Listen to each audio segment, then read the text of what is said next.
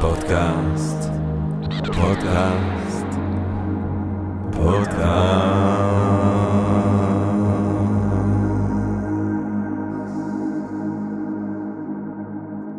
טוב, גבירותיי ורבותיי, ברוכות וברוכים הבאים לפודקאסט של Think and Ring Different, פודקאסט למי שאוהב לחשוב ולשתות. אני ג'רמי פוגל, ואנחנו רוצים קודם כל להודות לעצם היש, ליקום, אה, למציאות הזאת שמאפשרת לנו למרות הכל, וגם בתקופה הזאת, אה, להתענג כאן בפודקאסט שלנו על העמקת הדעת, על הרחבת האופקים, על סיפוק וגירוי של הסקחנות. איזו התחגשות ואיזה כיף לנו, אה, סליחה, איזה כיף והתחגשות פשוט לנו לבשר לכם, גבירותיי ורבותיי, על סדרת האונליין החדשה של עשרה מפגשים על uh, תולדות הפילוסופיה uh, uh, שיעבירו, uh, הוא הסופר, הפילוסוף, החתיך אש הגאון, דוקטור יניב איצקוביץ', גבירותיי ורבותיי, והאידיוט הזה, דוקטור ג'רמי פוגל.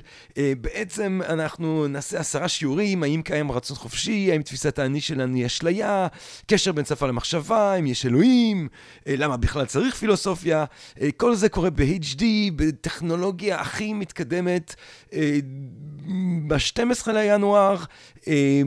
למי שרוצה פחתים, אנא מכם תבדקו את הדף של Think and Ring Different בפייסבוק או בקבוצה.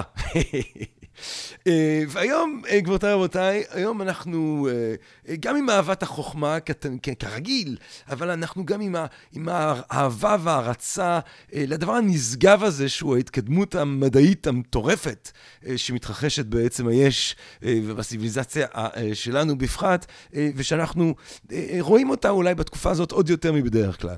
אבל אנחנו נתמקד היום במה שהמדע המדהים הזה המדע האצילי הזה מספר לנו היום, המדע העכשווי מספר לנו היום על בקטריות. הסיפור המדהים שהמדע מספר לנו היום על בקטריות. העובדות המדהימות שהתגלו על בקטריות. נחשוב על בקטריות ואנחנו, על המערכת היחסים החשובה הזאת הקיומית הזאת בינינו לבין בקטריות והדבר הזה כמובן זרק לי איפשהו למשהו שעלה בשיחה שהיה לנו עם פרופסור דן אה, זאבי לפני כמה שבועות אה, על גנטיקה ועל אבולוציה ועל תחילת החיים ועל הנס המדהים הזה באמת של תחילתה של תופעת החיים בכדור הארץ האירוע המדהים הזה ומה שהיה מרגש במיוחד זה הדגש על כך שתופעת החיים התחילה רק בעצם פעם אחת. זאת אומרת היה יכול להיות מצב שבו אה, יהיו כמה אירועים של תחילתה של תופעת החיים.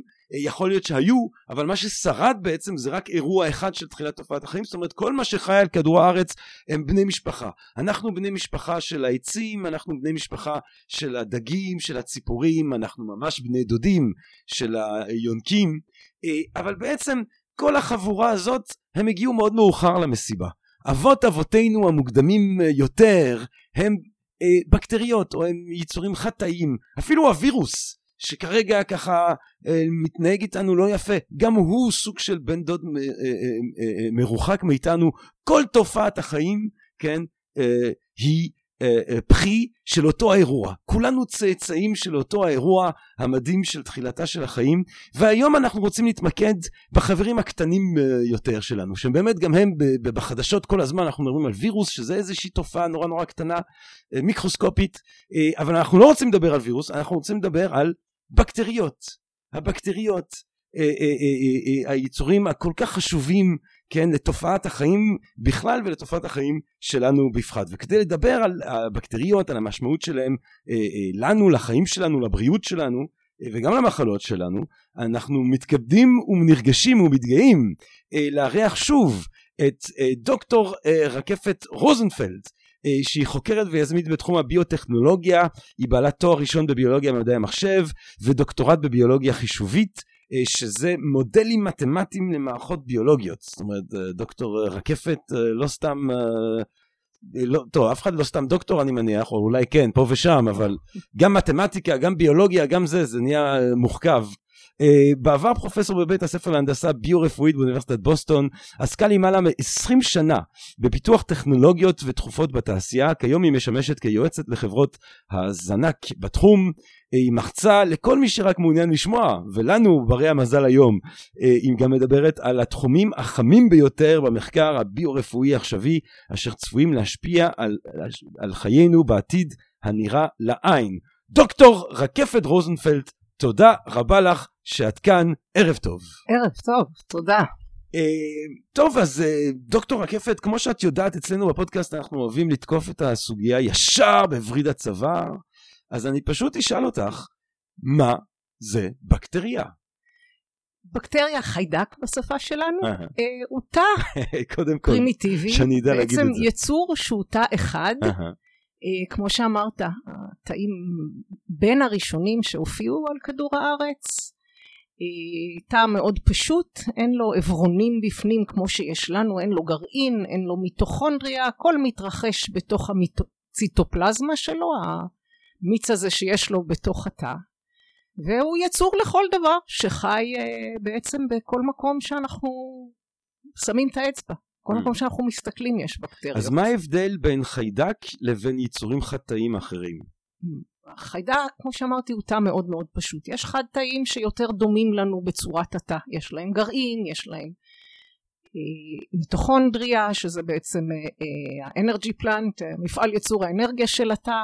יש להם עוד עברונים, יש להם איזשהו שלד בתוך התא שנקרא ציטוסקלטון, שלד חלבוני, יש איזשהו מבנה של תא, שהוא נחשב תא יותר מתקדם, יותר מתוחכם. יש חד תאים כאלה, בקטריות הן צורת חיים יותר פשוטים. וירוס הוא לא צורת חיים בכלל, וירוס oh. לא חי. זו, זו אוקיי, שאלה וירוס, מעניינת, האם וירוס, וירוס חי או לא, לא, לא חי? לא, לא, הוא באמת לא חי. אם תשאיר אותו לבד, לא יקרה לו כלום. הוא לא יתרבה, הוא לא יגדל, שום דבר. Uh-huh. הוא יחכה שתהיה לו הזדמנות לתפוס טרמפ על מישהו לת... שייתן לו חיים. כי וירוס זה סך הכל חומר גנטי, כן, DNA או RNA, חומצת גרעין, שזה החומר הגנטי שלנו, עטוף באיזושהי מעטפת חלבונית, שיודע להיכנס לתא, כן, במקרה של הקורונה לתאים שלנו בריאות, בכלי הדם, יודע להיכנס לתא כלשהו של מאחסן כלשהו, ואז בעצם לעשות hijacking, לחטוף לטובתו את כל מערכ, מערכות התא, ולגרום לתא לייצר עוד כמוהו כדי שהוא יוכל לפרוץ החוצה ולעבור לתאים הבאים, אבל לבד הוא לא חי. זאת שאלה, זאת שאלה, זאת סוגיה מרתקת בעיניי, כאילו מה, איך אנחנו מגדירים בכלל את תופעת החיים? כי אני חושב שיש אנשים שיגידו, בסדר, אז וירוס לא חי בצורה עצמאית, זה סוג של חיים פרזיטיים, אבל זה חיים עדיין, כי זה, כי זה כן. כאילו קוד אה, גנטי שמשכפל את עצמו, ושכפול זה הגדרת החיים. אבל הוא לא משכפל את עצמו, הוא משתמש בכל המנגנונים שלך לשכפול, הוא לא יכול לבד לעשות את זה. הוא נכנס לתא שלך והוא עושה את זה רק בעזרת החלבונים וכל המערכות שיש לך בתא. אבל גם אנחנו בני אדם לבד אנחנו לא היינו ממשיכים להתקיים, אנחנו צריכים מזון חיצוני לנו, אנחנו צריכים כל מיני דברים. כן, אבל... אה, התקלת אותי, אני... אפשר, להתעקש שווירוס הוא סוג מסוים של חיים, לא, אבל, אני חושבת שאחת ההגדרות היא שמשהו צריך לדעת להתרבות. אוקיי. אה, כן, בלי האוכל לא היינו מתרבים, אבל עדיין אה, הווירוס בעצם כשלעצמו, הוא לא נושם. הוא לא נושם, משפחה, הוא לא צריך כן מזון. זאת אומרת, במובן הזה שיש בו הרי אה, אה, קוד גנטי, נכון? יש קוד גנטי, אותו קוד שלנו יש, A, C, G ו-T, אותם ארבע אותיות. הנה. הקוד הדיגיטלי שיש לו הוא אותו קוד שלנו. אז כן. משפחה. משפחה. אוקיי, אז חיידקים, אנחנו מדברים בעצם על יצורים חד-תאים, ואז, ואז מה? ואז מה, מה הלאה? מה, מה, מה, מה, מה הם, איך הם חלק מתמונת החיים על כדור הארץ? אה, קודם כל, הם לא חלק, הם, ב, הם עיקר תמונת mm. החיים. היום אנחנו יודעים שבכל מקום שאנחנו מסתכלים יש חיידקים. אוקיי? אם זה גייזרים שמבעבעים במאה מעלות, אם זה מעמקי הים, כל מקום שניסו היום למצוא, מצאו חיידקים. Mm. אוקיי? וזה די חדש לנו. פעם חשבנו שים המלח, קוראים לו גם ים המוות שהוא מת, אבל הוא ממש לא. יש פה חיידקים. אוקיי? בעצם חצי מהמסה הביולוגית, מהביומאסה על כדור הארץ הוא חיידקים. אשכרה. אשכרה, תשים על מאזניים את כל החיות, את כל הצמחים, את העצים, גדולים וקטנים, ובצד השני חיידקים, יהיה איזון. הם חצי מהמסה הביולוגית. בהינתן המשקל שלהם זה פי... זה פי זה. לא רק זה, אלא אם מסתכלים על מגוון המינים, מעל 99.9% ממגוון המינים השונים, הזנים השונים שיש על פני כדור הארץ, זה חיידקים. Hmm. הם היו, היו כאן הרבה לפנינו, והם גם כנראה יהיו כאן הרבה אחרינו. אוקיי? זה כמות אדירה. אפילו בכפית חול מהים יש מעל עשרת אלפים זנים שונים, אני לא מדברת על מספר חיידקים, שזה יותר מפי שתיים ממגוון היונקים שאנחנו מכירים. כלומר, מספרם וכמותם היא אדירה. ואני מניח שכל ו... רגע שאת נושמת, את נושמת פנימה... לגמרי, לגמרי. אוקיי? אז העולם מלא מלא חיידקים, ורובם לגמרי אדישים לקיומנו. They couldn't care less אם אנחנו פה או לא. לא, אנחנו לא מזיזים להם. Mm. אוקיי? יש אחוז מאוד מאוד קטן שגורם לנו למחלות. Mm. ועד לא מזמן זה האחוז שעניין אותנו. אותם חקרו. Mm. אוקיי? כשגילו חיידקים, שראו חיידקים פעם ראשונה במיקרוסקופ, זה לא נורא עניין אנשים. מי שראה אותם אפילו לא היה מדען. Mm. מי זה אוקיי? היה? זה היה אחד לבנהוק, mm. הולנדי. אוקיי? אה, כן, במאה ה-17. נכון, 1657, mm. וההולנדי הזה סתם יש לו תחביב, כי מה שהוא עושה במשך היום, יש לו חנות למכור ריצ'רצ'ים וכפתורים לתופרות וחייטים. Mm. הוא פשוט בונה מיקרוסקופים בתור תחביב, כי הוא נורא mm. מתעניין באופטיקה, באותה תקופה גם האופטיקה או תורת האופטיקה מתפתחת. ברוך שפינוזה דגול, הוא... הפילוסוף היהודי הגדול, היהודי שהעיף אותו מועדון בחרם, אבל הוא במאה ה-17 בזה הוא את ליטוש עדשות. אז זה היה תחביב כנראה של הרבה כן. אנשים. לא, הוא עשה את זה בצורה מקצועית. אפשר להגיד שלבנוק עשה את זה אה, בצורה כן, מקצועית, כי לבנוק ראה חיידקים, כן. והוא שלח אה, כל מיני מכתבים לאקדמיה הלאומית ב-Royal Academy of Science בלונדון, בין היתר הוא כתב I see living things in a drop of rain. וואו. Okay, אוקיי? ואף אחד לא התייחס אליו, כי הוא בכלל לא מדען, הוא לא כותב בשפה שלהם, הוא לא כותב בלטינית, אז כתבו מאמרים מדעיים בלטינית, הוא כתב בהולנדית. Mm. מי, מי דיבר הולנדית? הוא מאוד התעקש. אבל היו מיקרוסקופים באנגליה גם, ואף אחד לא ראה מה שהוא רואה, הוא צייר ציורים מאוד יפים של מה שהוא ראה, והוא תיאר איך זה זז ונע עם כל מיני זנבות כאלה, ואף אחד לא התייחס. אבל הוא היה, למה אף אחד אה, לא ראה חוץ ממנו? כי באותם שנים באנגליה יצרו מיקרוסקופים עם עדשות שהצליחו להגדיל פי חמישים, וכשעבדו ללטש עוד ועוד הגיעו לפי שבעים. הוא המיקרוסקופ הראשון שהוא בנה כבר פי 270 הגדיל, ועד וואו. שמגיעים לפי 100 לא רואים חיידקים. Mm. אז הוא היה מספיק עקשן, שבסוף אמרו, טוב, יאללה, נשלח מישהו שמדבר הולנדית שיראה מה הוא רוצה הנודניק הזה. ואז נתנו לו איזשהו אה, מקום ב-Royal Academy להמשיך לחקור, והוא באמת, אה, הוא, הוא גם היה קצת חמדן, כי הוא לא, לא הסכים לתת לאף אחד מיקרוסקופ, אה, כן, הכל נשאר אצלו במרתף, רק כשהוא מת ראו איך זה נראה, וזה נראה מאוד מצחיק, כמו איזה אה, ציר של דלת. Mm. ובעצם באותה תקופה אה, קצת מדענים מתעניינים ביצורים הקטנים החדשים האלה אבל עוברים כמעט 200 שנה עד שלואי פסטר קושר בין mm. חיידקים למחלות ואז רק זה נהיה מעניין אז פתאום זה מדע חשוב מיקרוביולוגיה נולד רק רק אז נותנים שם למיקרובים האלה, כן, mm. בקטריה. אז ומה, ש... שנים... ופסטור כמובן נתן את השמו לפסטוריזציה, שזה נכון, להרוג בקטריות. כן, אבל הדבר המיוחד, הפסטור של חלב, אם אנחנו מרתיחים משהו, כל הבקטריות מתות. אבל גם הטעם והמרקם של מזון, חלב אחרי שהוא מורתח יש לו קרום כזה, לא נעים. ופסטר גילה שאם מחממים למשך אה, משהו כמו עשר דקות, אולי שמונה, אני לא זוכרת את המספר המדויק, ב-60 מעלות לא הורגים את כל החיידקים, לא מקלקלים את המרקם ואת הטעם של רוב המזונות, אבל הורגים את החיידקים שיש להם פוטנציאל לגרום לנו מחלות. Mm. ולכן היום מפסטרים ולא מרתיחים. כשקונים חלב מעוקר, הוא sterile, הוא עומד על המדף שנים בלי להתקלקל, כי אין בו בכלל חיידקים, הוא sterile. Mm. אבל חלב מפוסטר יתקלקל, כי יש בו חיידקים שיכולים להחמיץ אותו, אבל אין בו חיידקים שיכולים לגרום לנו נזקים. כאילו, גם, גם פה במים על מינרלים יש אה, חיידקים, נכון? בהכל לא, יש חיידקים, כן, זה לא sterile. לא, לא, אפשר לא. לקנות אולי לא. מים סטרילים. כן, כן, כשמטפטפים מים לעיניים הם סטרילים, כי לא רוצים לקחת סיכון. הבנתי. אבל, אבל מזון הוא לא סטרילי. אז בעצם, אז, אז אם אנחנו מסתכלים בצורה היסטורית, המפגש הראשון אה, שלנו עם החיידקים זה בא מתוך הדאגה או מתוך ההבנה שיש חיידקים שהם גורמים למחלות. נכון. איזה, איזה מחלות למשל? למחלות. הם מבינים שנגרמים על ידי חיידקים. או, במאה ה-14 היה ירסינה פסטיס שגרם למגפת הדבר השחור. Mm. בין חצי לשליש אוכלוסיית אירופה נמחקת, תלוי איזה אתר בוויקיפדיה אתה מסתכל, אבל זה חיידק. המוות השחור זה חיידק. כן, ואחרי זה כמה שנים... זה לא וירוס. זה חיידק. 200 שנה אחרי זה חיידק החולרה הורג מיליונים בכל אסיה, ארצות הברית, גם אירופה, אבל שאז בעיקר הוא פגע באסיה. אה, חיידקים אה, הורגים הרבה. אנחנו מכירים לא מעט מגפות חיידקיות, גם קרו בעולם. אז המחקר הראשוני, מן הסתם, עוסק באיך אנחנו מצילים את האנושות מה, ממחלות. מה, ממחלות. כן, כן. ובמאה ה-20, ויש קצת חוקרים שרואים חיידקים שגם קצת סימביונטים איתנו, גרים איתנו, עוזרים לנו אולי להקל, אבל הם, הם מיעוט, הם לא, הם לא זוכים לאיזה קול גדול. אוקיי? התחום הזה לא, התחום של החיידקים שעוזרים לנו, שטובים לנו, שבריאים לנו, שנחוצים לנו לצור, לבריאותנו, מתחיל להתפתח רק בשלושת העשורים האחרונים, בשנות mm. התשעים של המאה הקודמת. Mm. אני חייב לומר שהוא, ועכשיו אבל הוא ממש במיינסטרים, אתה רואה פרסומות ליוגורט וזה, לא וחיידקים טובה. עכשיו בצורה לא רגילה, מייקרוביום, זה כן. היום. אין כמעט מחלה שלא קושרים אותה לחיידקים היום, הכל נקשר לחיידקים. אז איך באמת, איך באמת, קודם כל בוא, בוא נחשוב שנייה על החיידקים שנמצאים איתנו במערכת סימביוטית, שלמי שפחות למד ביולוגיה אה, ממך, אולי תגידי מה זה סימביוטי ומה זה החיידקים האלה שחיים בנו. קודם כל איפה, בסדר? כן.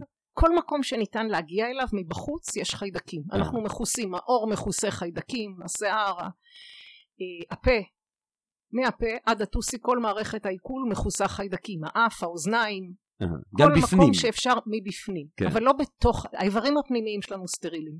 אם, אם אנחנו נחתכים, חיידק שהוא טוב לנו על האור, יכול לגרום למחלות קשות, אפילו למוות. כאילו, אבל מה, במערכת... אין לי חיידקים בתוך הריאות? בתוך הרי הריאות יש, מה שפתוח לאוויר... אדם?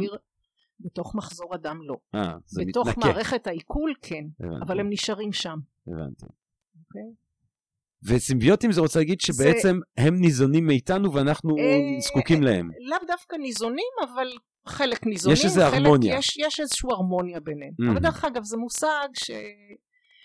לאט לאט אנחנו מבינים שסימביוזה זה משהו קצת אה, יותר שמתאים לאגדות. זה מטאפורי. כן, זה, זה קצת מטאפורי מדי. אה, כל מיני מקרים שתמיד אמרו זה דוגמה קלאסית לסימביוזה, היום מסתכלים קצת אחרת, כי בסוף כל אורגניזם עושה מה שטוב לו. כן. זה שבמקרה הוא עוזר גם לאחרים זה בסדר. אני אתן לך סתם דוגמה, יש עצי שיטה אה, באיפה? נדמה לי בדרום אמריקה, איפה, אני לא זוכרת איפה, שיש זן מסוים של נמלים שחי עליהם. מה זה חי עליהם? יש להם, אה, הקוצים שלהם חלולים והנמלים שם בונים קנים והם מטפסים עולים הלוך וחזור ומפרישים איזה רעל, הם אוכלים את השרף של העץ הזה, כן? השרף בעצם הוא חומר סוכרי, מזה הם ניזונים ובעצם בתמורה הם מפרישים חומר ששום טפיל לא, לא אוכל את העלים שלהם, אפילו אה, אנטילופות שרואות שם, כן? אנחנו רואים במדבר יהודה אה, אה, יעלים שאוכלים מהענפים הנמוכים של השיטה, לא, שום דבר לא אוכל אותו, ותמיד התמונה הייתה של סימביוזה מושלמת, הנה מספקים לו סוכרים, השרף, מספקים לו מקום לחיות, הקוצים, והוא בתמורה נותן את ההגנה מפני כל המזיקים האפשריים לשיטה, וזה סימביוזה מושלמת. אחר כך כשהתחילו לבדוק יותר אז ראו שזה לא סתם סימביוזה סך הכל הנמלה המסכנה הזאת היא עבד נרצע של השיטה כי בתוך השרף המקסים הזה שנותן לו את המזון יש גם חומרים שמעכבים לו כל יכולת לעכל שרף של כל עץ אחר אז אם הוא במקרה מחליט שהוא לא רוצה והולך לעץ אחר או במקרה טועה ועולה על איזה עץ אחר ומתחיל לאכול שם הוא ירעב כי מה שהוא אוכל הגוף שלו לא מצליח לעכל mm. אז, אז יש פה סימביוזה, אבל יש פה כל אחד דואג לעצמו, ועץ השיטה כן, דואג בוא לא נלווה בצורה... את הביטוי הזה סימביוזה עם uh, מוזיקה יפה ו... ואווירת דיסני. זה חלק מהסדר של הטבע שאת... בדיוק, כל ספיסיס יש לו כן, את הצורך כן. לדאוג כן. לעצמו, והוא עושה את זה כשהוא יכול. הבנתי. אז, אה, אז הרבה מהחיידקים דואג, בעצם תורמים לנו, ואנחנו תורמים להם, בין אם זה מזון או מקום לגור בו מוגן מאחרים, מחיידקים אחרים. והסימביוזה הזו בעצם היום אנחנו רואים יותר ויותר מחקרים שקושרים אותה למחלות, למצב הגוף בכלל, לבריאות, להתנהגויות, לרגשות, אין כמעט שום דבר. בעצם הדבר אולי הכי הכי מדהים זה שאנחנו רואים היום שכל בריאותנו, ה-well-being שלנו, כל ההרגשה של הטובה שלנו תלויה לגמרי בנוכחות של החיידקים oh. האלה. מה זאת אומרת כל ההרגשה שלנו? גם גופנית וגם נפשית? לגמרי. בוא נתחיל עם גופנית. בוא נתחיל. מה, איך, איך, איך חיידקים, אתה יודעת מה, קודם בוא נתחיל עוד משהו אחר. למה בכלל כל החיידקים האלה נמצאים בנו? או, זו שאלה טובה. קודם כל, אני לא בטוחה שיש תשובה מדעית, שמישהו כן. יכול להראות באיזה, יש איזה ניסוי מדעי שיכול לתת את התשובה ללמה. אבל קודם כל אפשר לשאול האם בכלל אפשר היה אחרת? כל העולם מלא חיידקים, איך יכולנו להתפתח? אם היינו צריכים להילחם בהם כל הזמן, כן. האם היינו מצליחים? כלומר זה מין מצב של if you can't beat them, why not take כן. advantage of them, mm. אוקיי? Mm. Okay? זאת אומרת, אז, יש, פה, אז יש קשה לדמיין חיים אחרים. יש פה פשוט הסבר של, של אבולוציה, שיש עולם מלא נכון. בבקטריות, אז, אז צורות אז החיים היחידות בהם... ששרדו הן צורות שמתמודדות או ניזונות או מוצאות דרך לחיות בסמ... אה, אה, יחד איתם, או יחד לנצל איתם, אותם. כן, כן, כן. עכשיו, מעבר לזה, אנחנו רואים שאנחנו מנצלים אותם. אחד הדברים שהם עושים זה מעכלים הרבה מהמזונות שלנו, הרבה מהדברים mm. שאנחנו לא יכולים לעכל הם מעכלים, נכון שזה עוזר להם לגדול, אבל את תוצרי הפירוק מתוצרי הפירוק אנחנו נהנים. Mm. אוקיי? את הוויטמין K שלנו, ויטמין B12 שלנו, הם מייצרים עבורנו. Mm. אוקיי? הוויטמין B12 זה קקי של חיידקים. אה, במידה רבה, פשוטות. כן, כן, כן, כן. עכשיו, אם אנחנו חושבים על זה, זה דרך נורא מתוחכמת לעבור אבולוציה נורא מהירה. כי האבולוציה שלנו היא תהליך איטי, נכון? Mm. אנחנו מתרבים לאט מאוד. הם מתרבים כל 20 דקות, יש להם גם מנגנונים מתוחכמים הרבה יותר to evolve quickly, כן? לעבור אבולוציה מהירה הרבה יותר משלנו. אז אם אני בעצם פעם כשהייתי אה, שחייתי כשהיו רק לקטים וציידים ומדי פעם היו אסונות טבע ופתאום לא היה מזון או הייתי צריך לאכול משהו שבדרך כלל אני לא אוכל או המזון משתנה בין העונות פתאום יש מזון אחר שאני לא מעכל אם אני צריך ללמוד לבד איך לעכל את המזון הזה וואו יש סיכוי שאני לא אצליח בזמן חיים שלי. אבל אם יש לי בקטריות שעושות את זה ו- ו- וצריך שהם ילמדו או הם יתחלפו הם יעברו את האבולוציה הזו אז הרווחתי בגדול כי הם עושים את זה הרבה יותר מהר ממני. Mm. אז כל ההתאמה למשל אני אתן לך דוגמה. יש אה, אה, עצה עצת נורי שכולם חושבים שזה סופר פוד וזה נהדר כי יפנים אוכלים את זה והם מאוד בריאים נכון? אבל ליפנים יש חיידקים עם גנים שמפרקים את הנורי הזה לנו אין את זה אנחנו לא מפרקים את זה ונהנים מזה כמוהם. כי אין לנו את אותן בקטריות? אין לנו את אותן בקטריות. אה. זאת אומרת, יש הבדלים משמעותיים בין אוכלוסיות שונות לגבי טיב החיידקים שחיים בהם? לגמרי, לגמרי. אה. ובזכותם הם מפיקים מהנורי הזה את הדברים הטובים. אנחנו לא. Hmm.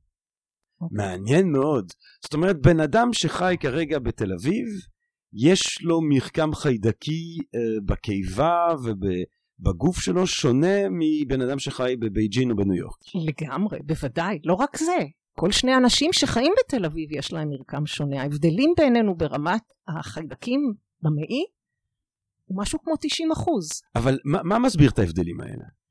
הרי החיידקים הם לא באים מאיתנו, הם באים מבחוץ. נכון, לכן אם שני אנשים חולקים אותו בית, אז יש להם מגוון קצת דומה יותר מאשר שני אנשים זרים. Hmm. כי זה מהסביבה, אבל מהסביבה הקרובה ומהמזון שאנחנו בוחרים לאכול, ומהמצב הבריאותי שלנו בכלל, בעצם יש לכולנו חיידקים, מספר שונה, סוג שונה, סוגים שונים של חיידקים, mm. בכמויות שונות. אז בוא נדבר באמת על החיידקים הגיבורים שעוזרים לנו, אה, ודיברנו על גוף ונפש, בוא נתחיל מגוף.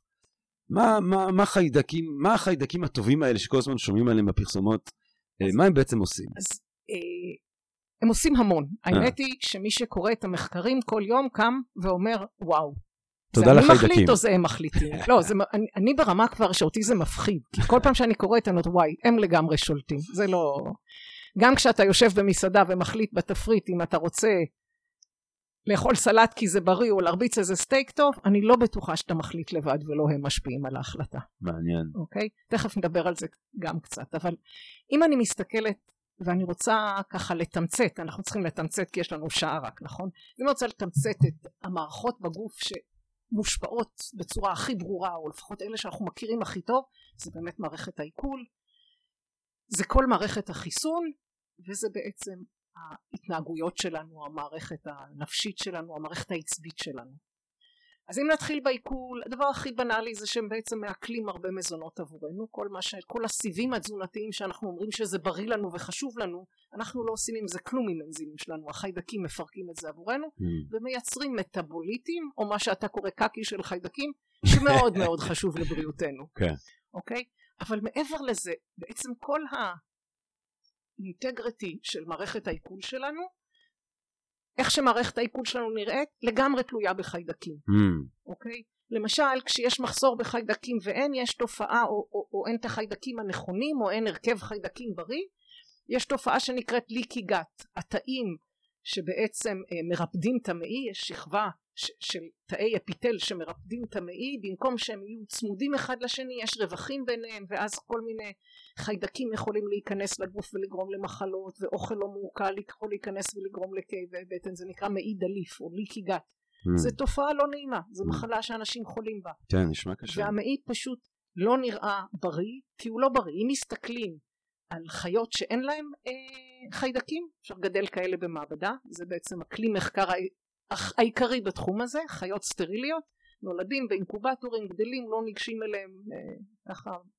רק דרך כפפות בבידוד אה, מתמיד. לגמרי. כן. אם מסתכלים על המעי שלהם אם אתה זוכר בטח למדת בביולוגיה רואים מעי אז רואים כל מיני כמו אצבעות כאלה בולטות ותמיד הסבירו לנו שזה מגדיל את שטח הפנים לספיגה. mm-hmm. זה נכון לגמרי.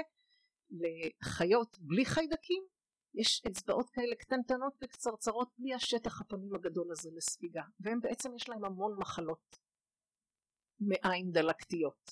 Mm. עכשיו אז זה מערכת העיכול. אם נהיה שמנים או רזים זה הרבה החיידקים שלנו. כן? באמת? לגמרי. כשאנחנו כשגילו את התופעה הזאת אה, בעצם הופיעו בעיתונות הפופולרית עשרות מאמרים. אני ראיתי ב-Herald Tribune ב-Wall Street Journal כל העולם הופיעו מאמרים. fat? blame the bugs in your guts כן? אתה שמן? זה החיידקים זה לא אתה. כן. ואנחנו יודעים את זה כי אם לוקחים חיידקים אה, סליחה עכברים סטרילים לגמרי שגדלו במעבדה ולוקחים תאומים זהים שאחד סובל מהשמנת יתר אחד באמת obese ואחד רזה ויש כאלה למרות שתמיד אמרו לנו השמנה זה גנטיקה אבל יש מקרים כאלה.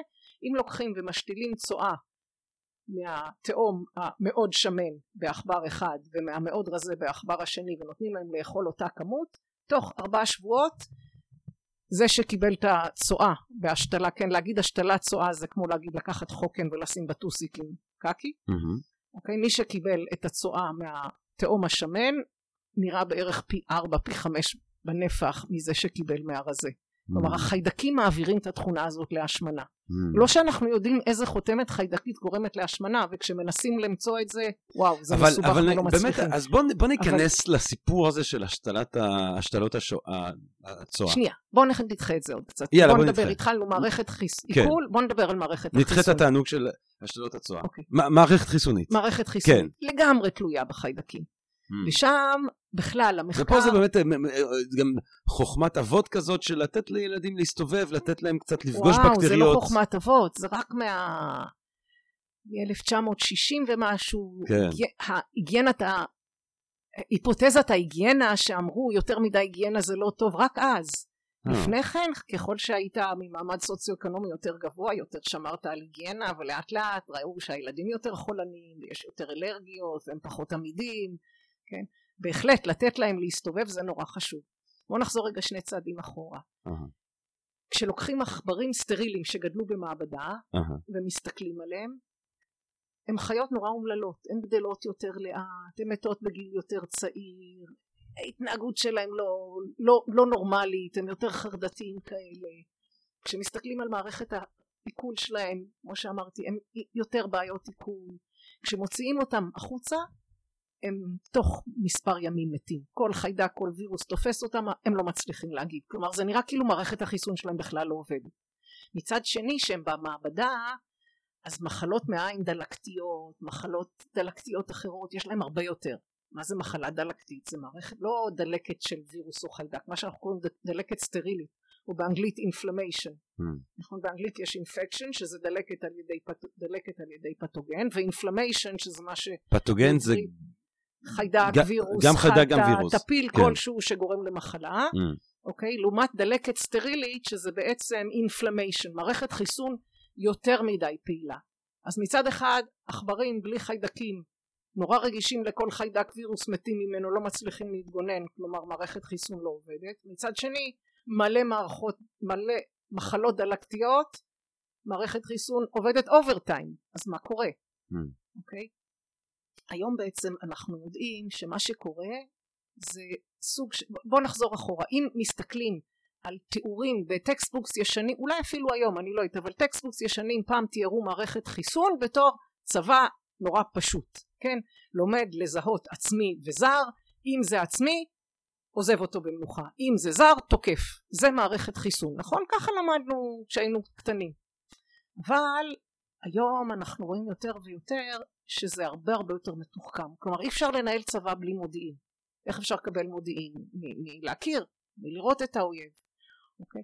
אז בעצם מה שקורה זה שבזמן ההתפתחות שלנו כתינוקות אנחנו לאט לאט לומדים ובאים באינטראקציה עם כל מיני חיידקים ולומדים להכיר מי טוב לנו, מי פחות, מי יכול להיות איפה ובאיזה כמות.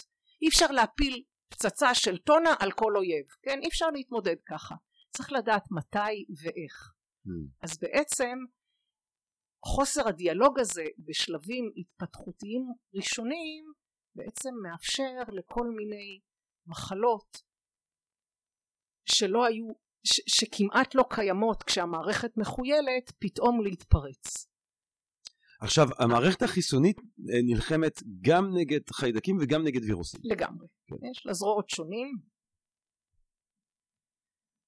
אוקיי. מערכת החיסון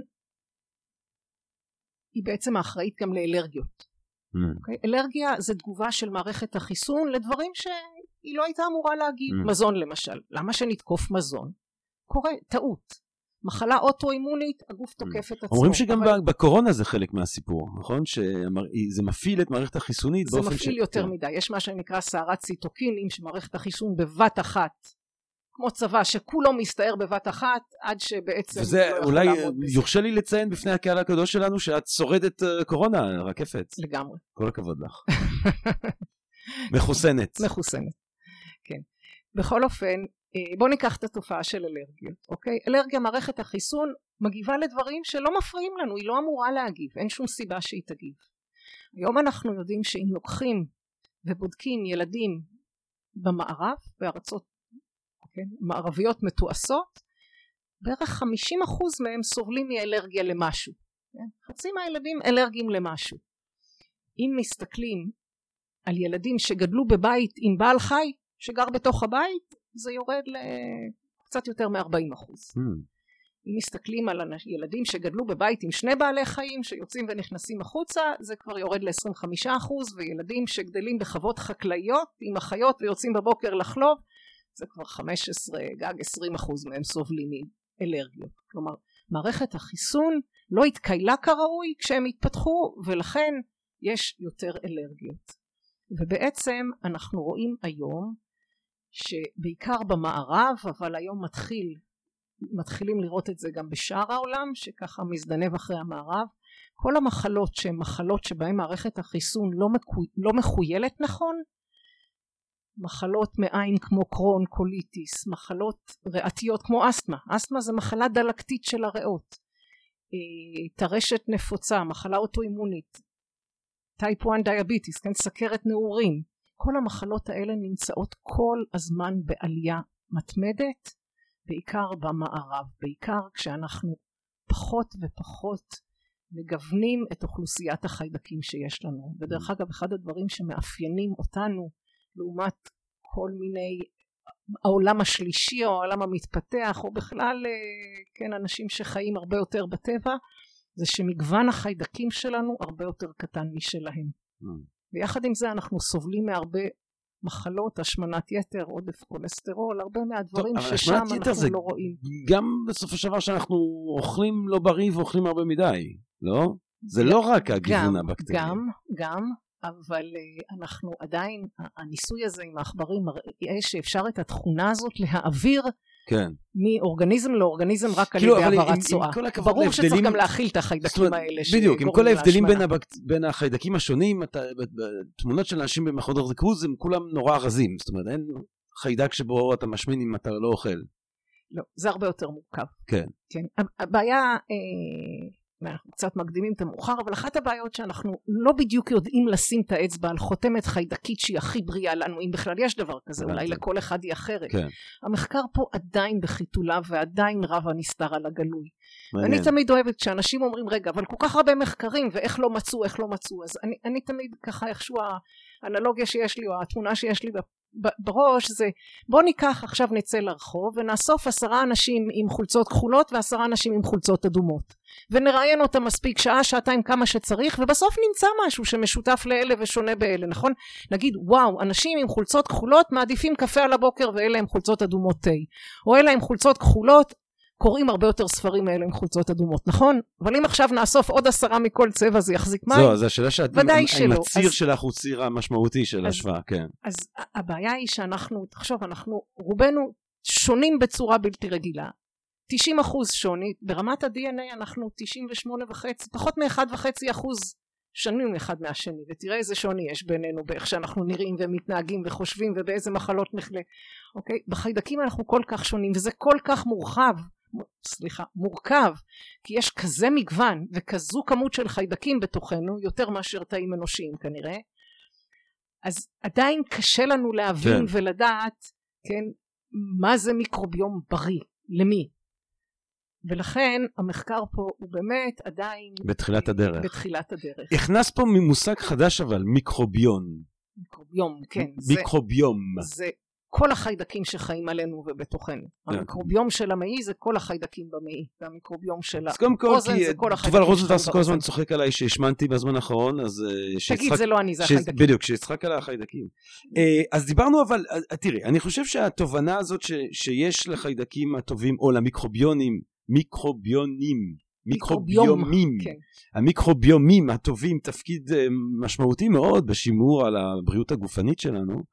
אה, זה דווקא, זה משהו ש, ש, ש, ש, שהוא אולי לא יפתיע את הקהל הקודש שלנו, אבל זה שהוא גם, אה, יש לו משמעות כבירה אה, לבריאות הנפשית שלנו, נכון, זה יחסית חדש.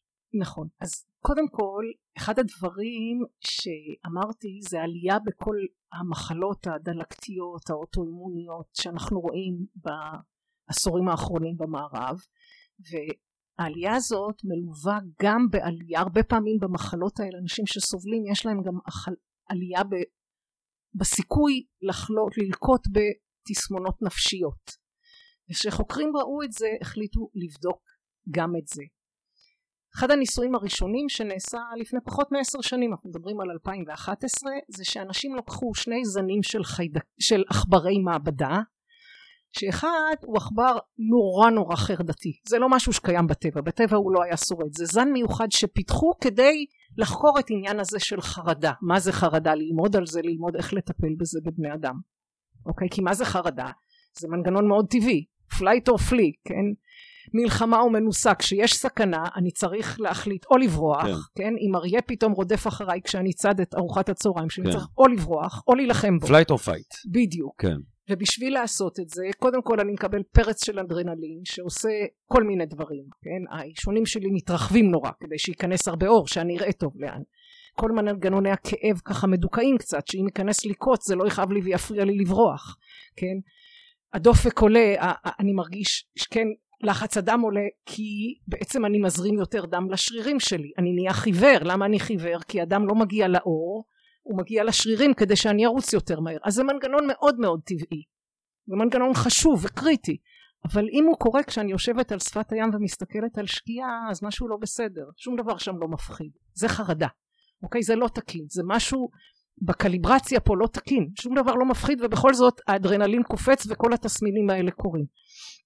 אז פיתחו זן מיוחד של עכברים לחקור את זה ואז חוקרים לחקו, לקחו את העכברים מהזן הזה הפכו אותם לג'רם פרי בעצם על פני דורות הרגו את כל כל וכל החיידקים גילדלו אותם בלי חיידקים ולקחו זן נוסף של עכברים שהם סוטו לחלוטין נורא קשה להלחיץ אותם קשה להפחיד אותם לגמרי סוטול אוקיי? ואז לקחו עכברים סטרילים כלומר עכברים בלי חיידקים. החרדתיים? לא, לקחו עכברים, עכברי מעבדה רגילים, בלי חיידקים. יש לנו, יש לנו עכברים חרדתיים, יש לנו עכברים בסוטול, נכון. ויש לנו עכברים סטרילים רגילים. נכון. ולחצי מהסטרילים בעצם הכניסו עם חוקן צואה מהעכברים החרדתיים, אוי. ולחצי השני מהעכברים בסוטול. והסתכלו לראות. ואלה שקיבלו את הצואה מהחרדתיים פשוט הפכו לעכברים חרדתיים בעצמם. והשניים נשארו בסוטול. כלומר התכונה הזאת של התקפי חרדה עבר עם הצואה. שנייה, שנייה, שנייה, שנייה, שנייה, שנייה, שנייה רקפת, שנייה. כמה זמן העכבר שקיבל אה, השתלת צואה חרדתית המשיך להיות חרדתי? אני לא זוכרת שזה כאילו זה, נבדק, זה, זה אני שינויים לצמיתות? אה, אני לא חושבת שהם בדקו לאורך זמן, אבל מעניין. אני מודה שאני לא זוכרת. כי, כי החי... אבל זה לוקח, זה לוקח שלי, ימים בודדים עד שהוא מתחיל לפתח התקפי חרדה. אוקיי, אבל אז לי יש תמהיל חיידקי מסוים. נגיד מחדירים לי אה, חיידקים חדשים. או, זה מאוד קשה. לא, בהשתלת צואה. זה מאוד קשה. הנדלן במערכת העיכול שלך הוא סופר יקר, יותר פה יקר פה מאשר מרכז תל אביב. אה. לא יהיה להם מקום. הם ידחקו אותם הצידה מיד. אז מה קרה אוקיי. לעכברים האלה? אני לא מבין. העכברים האלה הם התחילו כעכברים בלי חיידקים בכלל, אה, ואז השתילו להם. מאוד קשה לשנות את. המיקרוביום, אה, ואולי ניגע בזה בסוף כשתשאל שנייה, שנייה, אותי. שנייה, אז ש- שנייה, כי עכשיו אני אה, יורד לי האסימון. זאת אומרת, אם אני אתן לך הרבה מאוד כך- אנטיביוטיקה מהרבה מאוד סוגים וארוג הרבה חיידקים במעיים שלך ואז אעשה את זה, כן, אני יכולה להעביר לך. לה- הסיפור זה שיש לנו עכברים בלי חיידקים, ואז מחדירים להם חיידקים חרדתיים, ובעצם כל מחדירים המערכת סך שלהם... הכל צואה מעכבר כן, החרדתי. וזה, ב- אבל אז בעצם הם מגיעים ל, אה, למדינה בתולה. זה, זה אה, מעיים חסרי חיידקים לחיידקים, טוב, היה להם מעיים, אבל לא כן, משנה. אבל, אבל זה, זה מראה שהחרדה הזאת מועברת על ידי החיידקים. מדהים, החיידקים שבצואה, מדהים. אוקיי? ו, ושש שנים אחרי, אותם חוקרים עשו אותו דבר, רק במקום העכברים, החרד... העכברים החרדתיים והעכברים בסוטול, הם לקחו שתי קבוצות של חולים במעי רגיז, מה שנקרא IBS, Irritable Bowel Syndrome, אוקיי? למה הם לקחו את הקבוצות האלה? כי זו מחלה שידוע שהרבה מאוד מהאנשים שיש להם אותם באופן יחסי לאוכלוסייה הכללית סובלים מהתקפי חרדה. Hmm. אז הם לקחו קבוצה של חולי IBS שסובלים מהתקפי חרדה וחולים שלא סובלים ועשו את אותו ניסוי. And guess what? מי שקיבל את הצואה מהחולים שסובלים מהתקפי חרדה, אותם עכברים שקיבלו גם סבלו מהתקפי חרדה. ואלה שקיבלו מהחולי IBS שלא סבלו, לא סבלו. כלומר התכונה הזאת עברה גם בין אנשים לבין עכברים. בין אנשים לבין עכברים? כן. החיידקים שלנו גרמו להתקפי החרדה אצל העכברים. עכשיו היום אנחנו יודעים שבמערכת השתילו בעצם ה- צואה של אנשים עם ה-irritable bowel syndrome שיש להם גם התקפי חרדה, השתילו אותם לעכברים. עכברים סטרילים בלי. חיידקים, כן. העכברים הסטרילים האלה, אלוהים ישמור עליהם. אה, כן. אני לא חושבת שהוא שומר עליהם, עושים עליהם המון ניסויים. עכשיו, מה, אה, זה מדהים, זאת אומרת, אנחנו, אז אם דיברנו על בריאות הנפש, אנחנו יכולים כבר לומר שייתכן מאוד שהתמהיל החיידקי שלי, המיקרו, המיקרוביומי שלי, התמהיל המיקרוביומי שלי, הוא גורם לדברים כמו אה, התקפי חרדה. מה עם דברים אחרים? מה עם בוא- דיכאון? מה עם סקיזופרניה? מה עם. אוטיזם אולי אפילו? מה עם... בואו, לפני כן אני רוצה רק לתת קצת ככה בטח, בטח. הבנה בנושא. כן. כי היום אנחנו יודעים שיש אה, סדר גודל של 100 מיליון נוירונים במערכת העיכול. כלומר חוקרים בתחום קוראים לזה the second brain, עוד מוח, זה כמעט מספר כמו במוח. לא. אוקיי? ואנחנו יודעים שהנוירונים האלה בעצם מדברים ישירות עם המוח. אוקיי? כבר אה, חוקרים הראו את זה ברמה מולקולרית ממש על ידי סמנים פלורסצנטיים, איך הם יורים ובזט, מילי שניות והסיגנל מגיע למוח. פעם חשבו שהמעי מפריש הורמון אחרי שהוא שבע, ועד שהוא אומר את זה למוח עוברו כמה דקות טובות כי החומר עובר בדם, הוא נמהל בדם, צריך להגיע למוח. היום אנחנו יודעים שיש תקשורת ישירה בין המעי למוח. אוקיי? ולא רק זה, אלא יש עכברים שמפרישים דופמין. סרטונין נוצר שם, יש כמויות אדירות של סרטונין שם, איפה? כל, בתוך המעי, Mm. אוקיי? שחיידקים אחראים לייצור שלו. כלומר, כל סרטונין ה... שהוא אה, ה-happy, אה, בדיוק כל ה-antidepressants בעצם כן. עושים סרטונין זה. מה שמשתחרר במוח שלנו, ש... נכון. ודופמין זה מה שמגרה את כל ה-reward center, כן. את כל מרכזי התגמול כן. שלנו. לכן אמרתי שאני לא בטוחה שכשאני יושבת ואני מחליטה אם אני רוצה סלט או סטייק במסעדה, זה אני מחליטה או איזשהו חיידק שמפריש, כן. שהפריש את הדופמין שנתן לי את ה-reward מהסטייק פעם אחרונה. והדופמין הזה נמצא לי במעיים. כן, והגוף... כמות אדירה. של דופמין, אוקיי? אז אנחנו יודעים היום שיש קשר ישיר, אוקיי? עצבי בין, ה, בין הגת לבריין, ואנחנו יודעים שכמות העצבים שם היא מאוד מאוד מאוד גדולה. נוירוטרנסמיטורים נוצרים שם, כן? מסרונים עצביים שבעצם משפיעים בצורה ישירה מעניין. ובזמן אפסי על המוח. זה נותן איזשהו סוג של אמ, אולי תשתית עובדתית לביטוי הזה gut feeling. לגמרי. לפעול מתוך המעיים. זה לגמרי. עכשיו, אנחנו, יש המון מחקרים היום גם בנושאי אה, דיכאון, גם בנושאי סקיצופרניה. אה, אחד המחקרים הכי מדהימים שהתפרסם אה, לפני שנה וקצת, אולי אפילו פחות, אולי ב-2019, אני, אה, הוא מחקר אה, שנעשה על בואו לפני, אני, אני לא אגלה את הפאנצ' ליין, אני אספר על המחקר ואז תשמע את הפאנצ' ליין. כן. הוא בעיניי המחקר אה, אחד הכי מדהימים שנעשו. נו, נו. חוקרים לקחו, לקחו עכברים ויצרו אפקט פבלובי, כן? מכיר את פבלוב והכלבים, מה הם עשו? הם בעצם אה, העבירו להם בידיים זרם, לא כואב נורא, לא שרף, לא מסכן חיים, אבל לא נעים, ובאותו זמן הם צלצלו בפעמון. הם עשו את זה במשך כמה שבועות. אוקיי? מין conditioning כזה, התניה.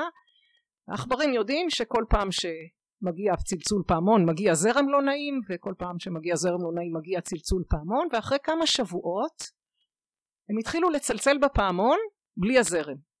מה קורה? העכברים ככה נושכים שפתיים, מתכווצים, אתה רואה שהם מתכוננים לכאב, אולי אפילו מרגישים כאב, זה לא נעים. הפעמון בלי הזרם. יש כבר התניה, בדיוק, אפקט פבלובי קלאסי.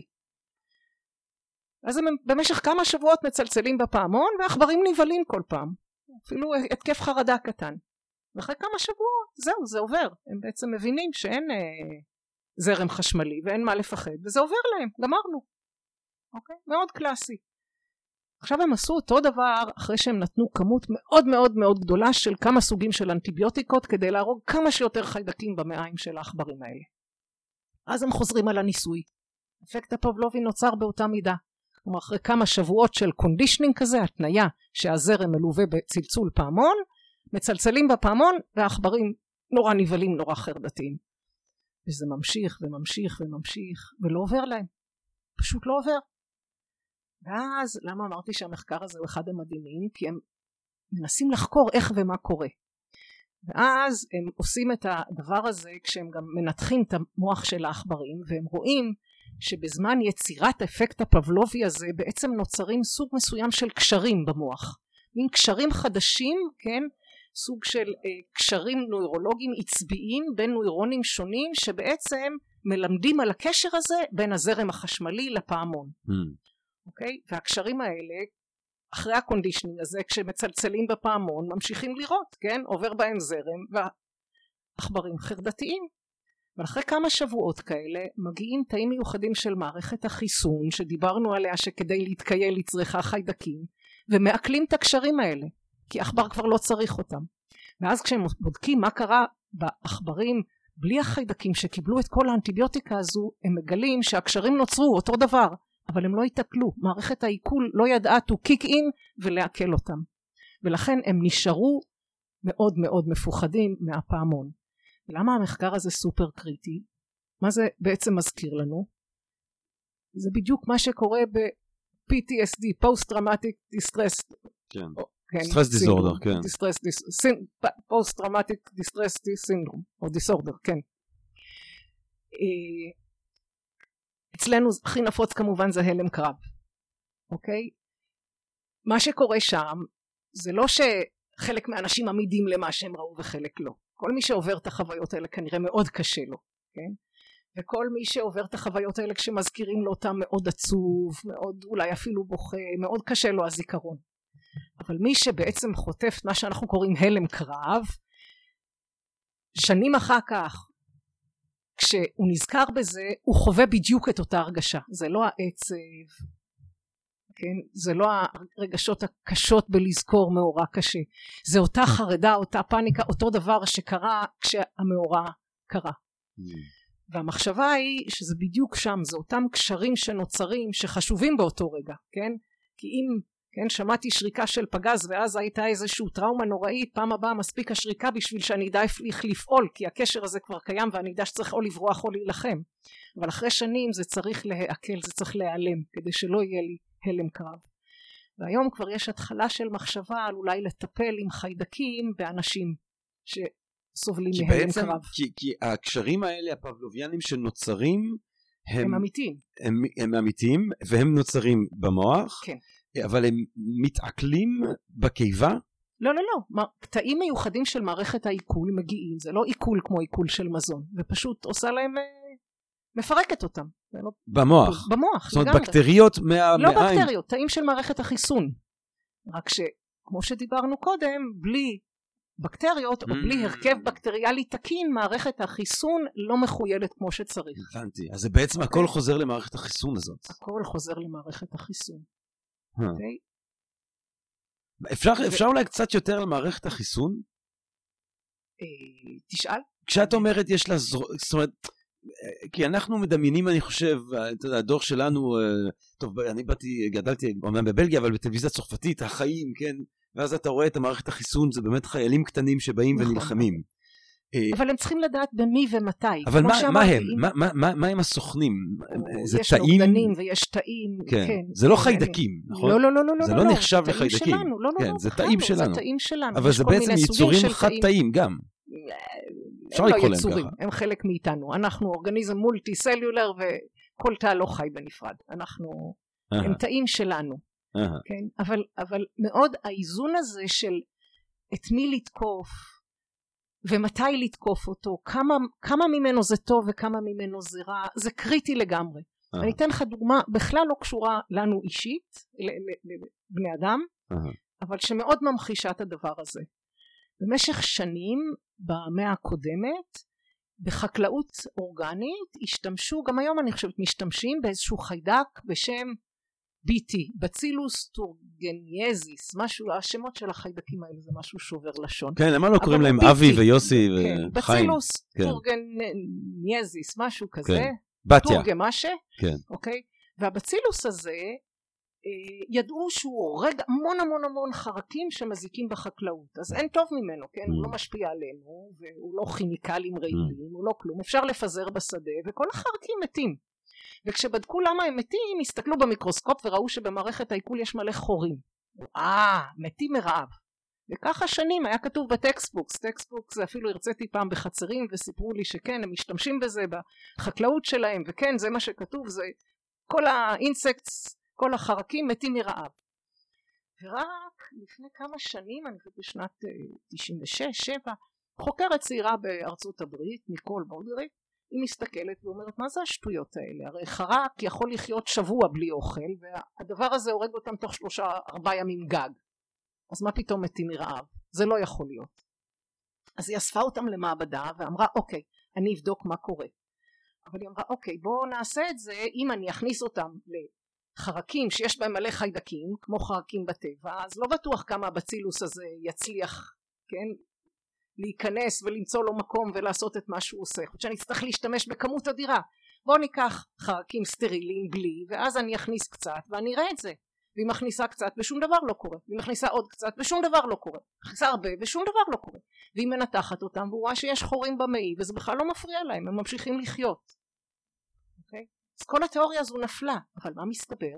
שמה שקורה בחי... בחרק רגיל יש מלא חיידקים כשאין חורים הם נשארים במעיים מערכת החיסון מכירה אותם mm. היא נמצאת שם כל הזמן היא רואה אותם אבל הם לא מפריעים לה החורים בעצם משחררים החורים הם כולם נכנסו פנימה לתוך הגוף של החרק ואז מערכת החיסון בבת אחת רואה המון אומרת וואו מרביצה מתקפה אדירה צייטוקיין סטורם בדיוק כמו שקורה עם הקורונה לצערנו והחרקים מתים מזה מיד Mm. אוקיי? Okay? אז מערכת החיסון היא לא רק צריכה לדעת מי אויב ומי ידידותי mm. או מי לא מזיק ולעזוב אותו היא גם צריכה לדעת איפה הוא טוב איפה הוא לא טוב כמה ממנו זה טוב וכמה ממנו זה לא טוב. אני מרגיש שכאילו איזושהי מסקנה גורפת כזאת ב...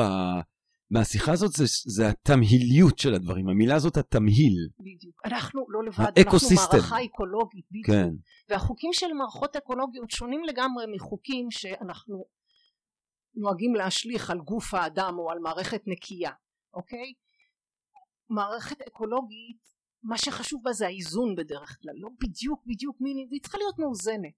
ואנשים שמתעסקים עם מערכות אקולוגיות מכירים את זה, חקלאים שנים ידעו שאם יש להם הרבה שדות ופתאום באחד יש איזה מחלה, כן, אפשר להביא איזה אגרונום מומחה, לשלם לו הרבה כסף, אולי הוא ימצא תרופה שעולה עוד יותר כסף מהביקור שלו, אבל בוא ננסה בוא ניקח איזה טרקטור נביא אדמה משדה ששם הכל טוב יש יבול גבוה תוצרת יפה ונערבב באדמה ולפעמים הכל מסתדר ולא אכפת להם מי גרם לזה מה גרם יש איזשהו איזון שהופר פתאום היבול יורד הצמחים מתים אם נחזיר את האיזון הכל יהיה בסדר וזה גם מה שקורה אצלנו אנחנו רואים את זה אוקיי ולכן הרבה מאוד חיידקים שפעם אמרו או זה חיידק רע היום אנחנו אומרים רגע לא בהכרח חיידק רע בתוך האיזון הכולל של הדברים יש לו תפקיד משמעותי. אני יכולה לתת לך דוגמה אחת שהיא מאוד וואו בתחום הזה. נו. אוקיי? יש חיידק בשם אליקובקטור פילורי. מכיר אותו? רוב האנשים מכירים אותו. לא באופן כי... אישי. אוקיי. כן. רוב האנשים אבל כן מכירים כי הוא החיידק שגורם לאולקוס. אה.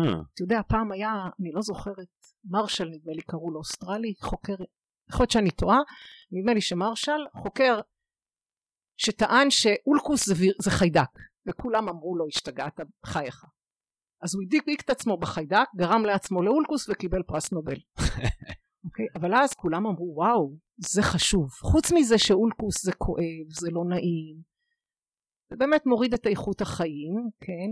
ועד אותו זמן לא היה טיפול היו רק כל מיני דברים שמקלים על הסימפטומים דברים שמורידים חומציות בקיבה כי זה כואב אבל חוץ מכל הצרות האלה ידעו שמי שיש לו אולקוס יש לו סיכוי גבוה יותר לסרטן קיבה שזה כבר מחלה ממש לא נעימה הרבה יותר גרועה מאולקוס ולכן אם אפשר למנוע את זה מורידים חזרה את הסיכוי לסרטן קיבה והכל mm. טוב.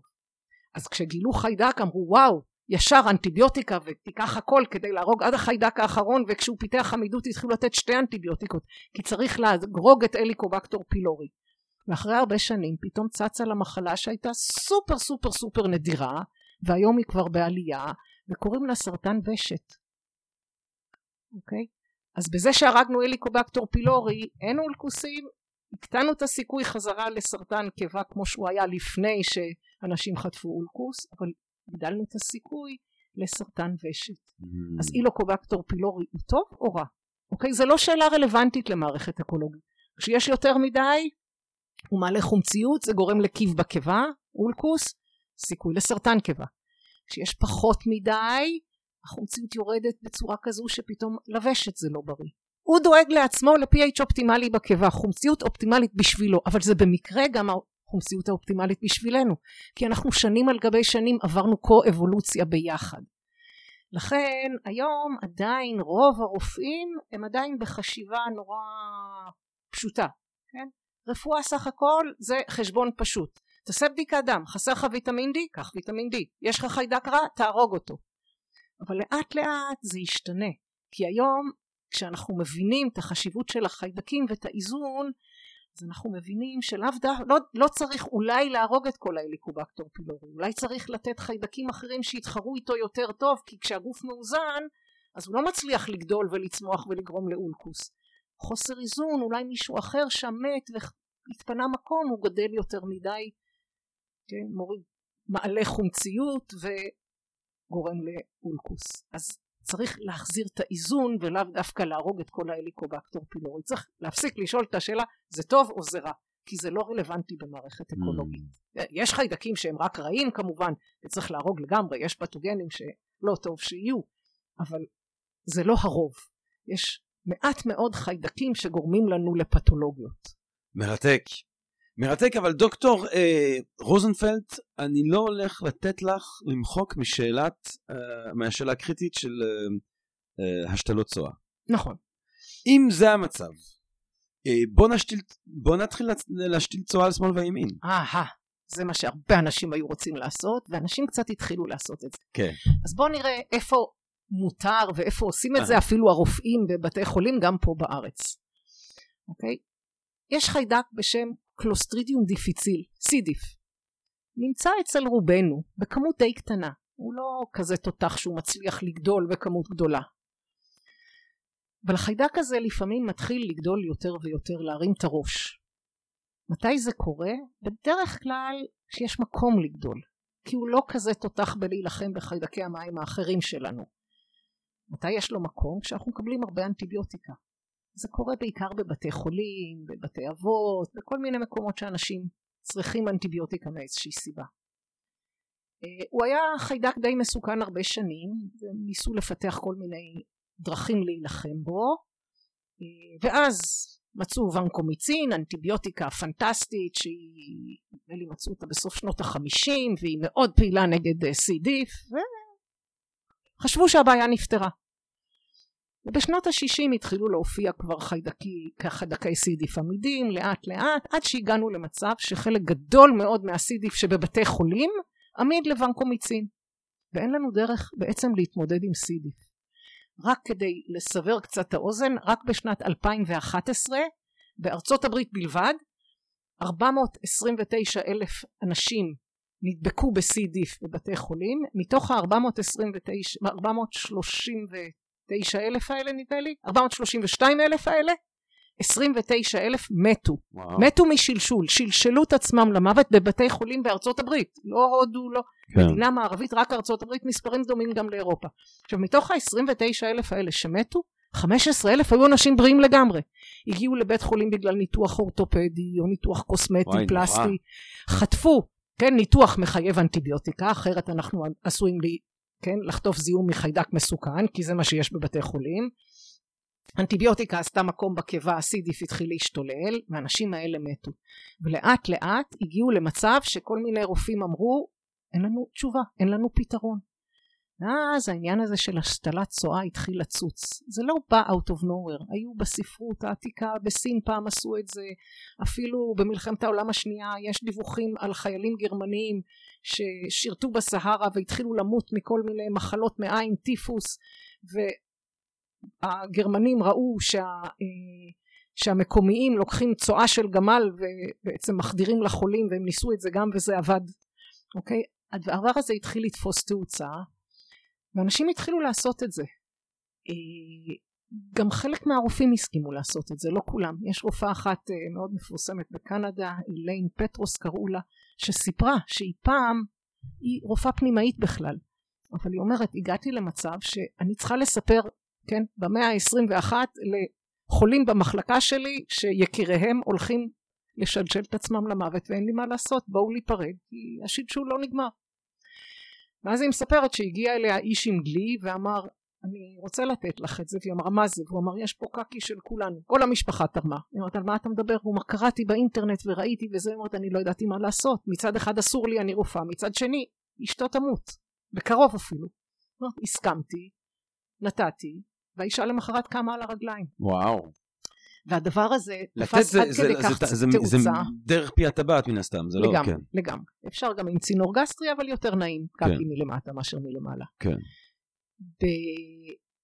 בשנת 2012 ה-FDA, כן, רשות המנהל התרופות והמזון האמריקאים, הגוף הרגולטורי הכי גדול בעולם שכולנו כמעט, שומעים, כולנו שומעים לו, כן. והוא מאוד מאוד שמרן, וטוב שכך דרך אגב, מאוד חשוב. ראה שאנשים יותר ויותר עושים את זה, ועשה תרגיל מסריח. תרתי משמע.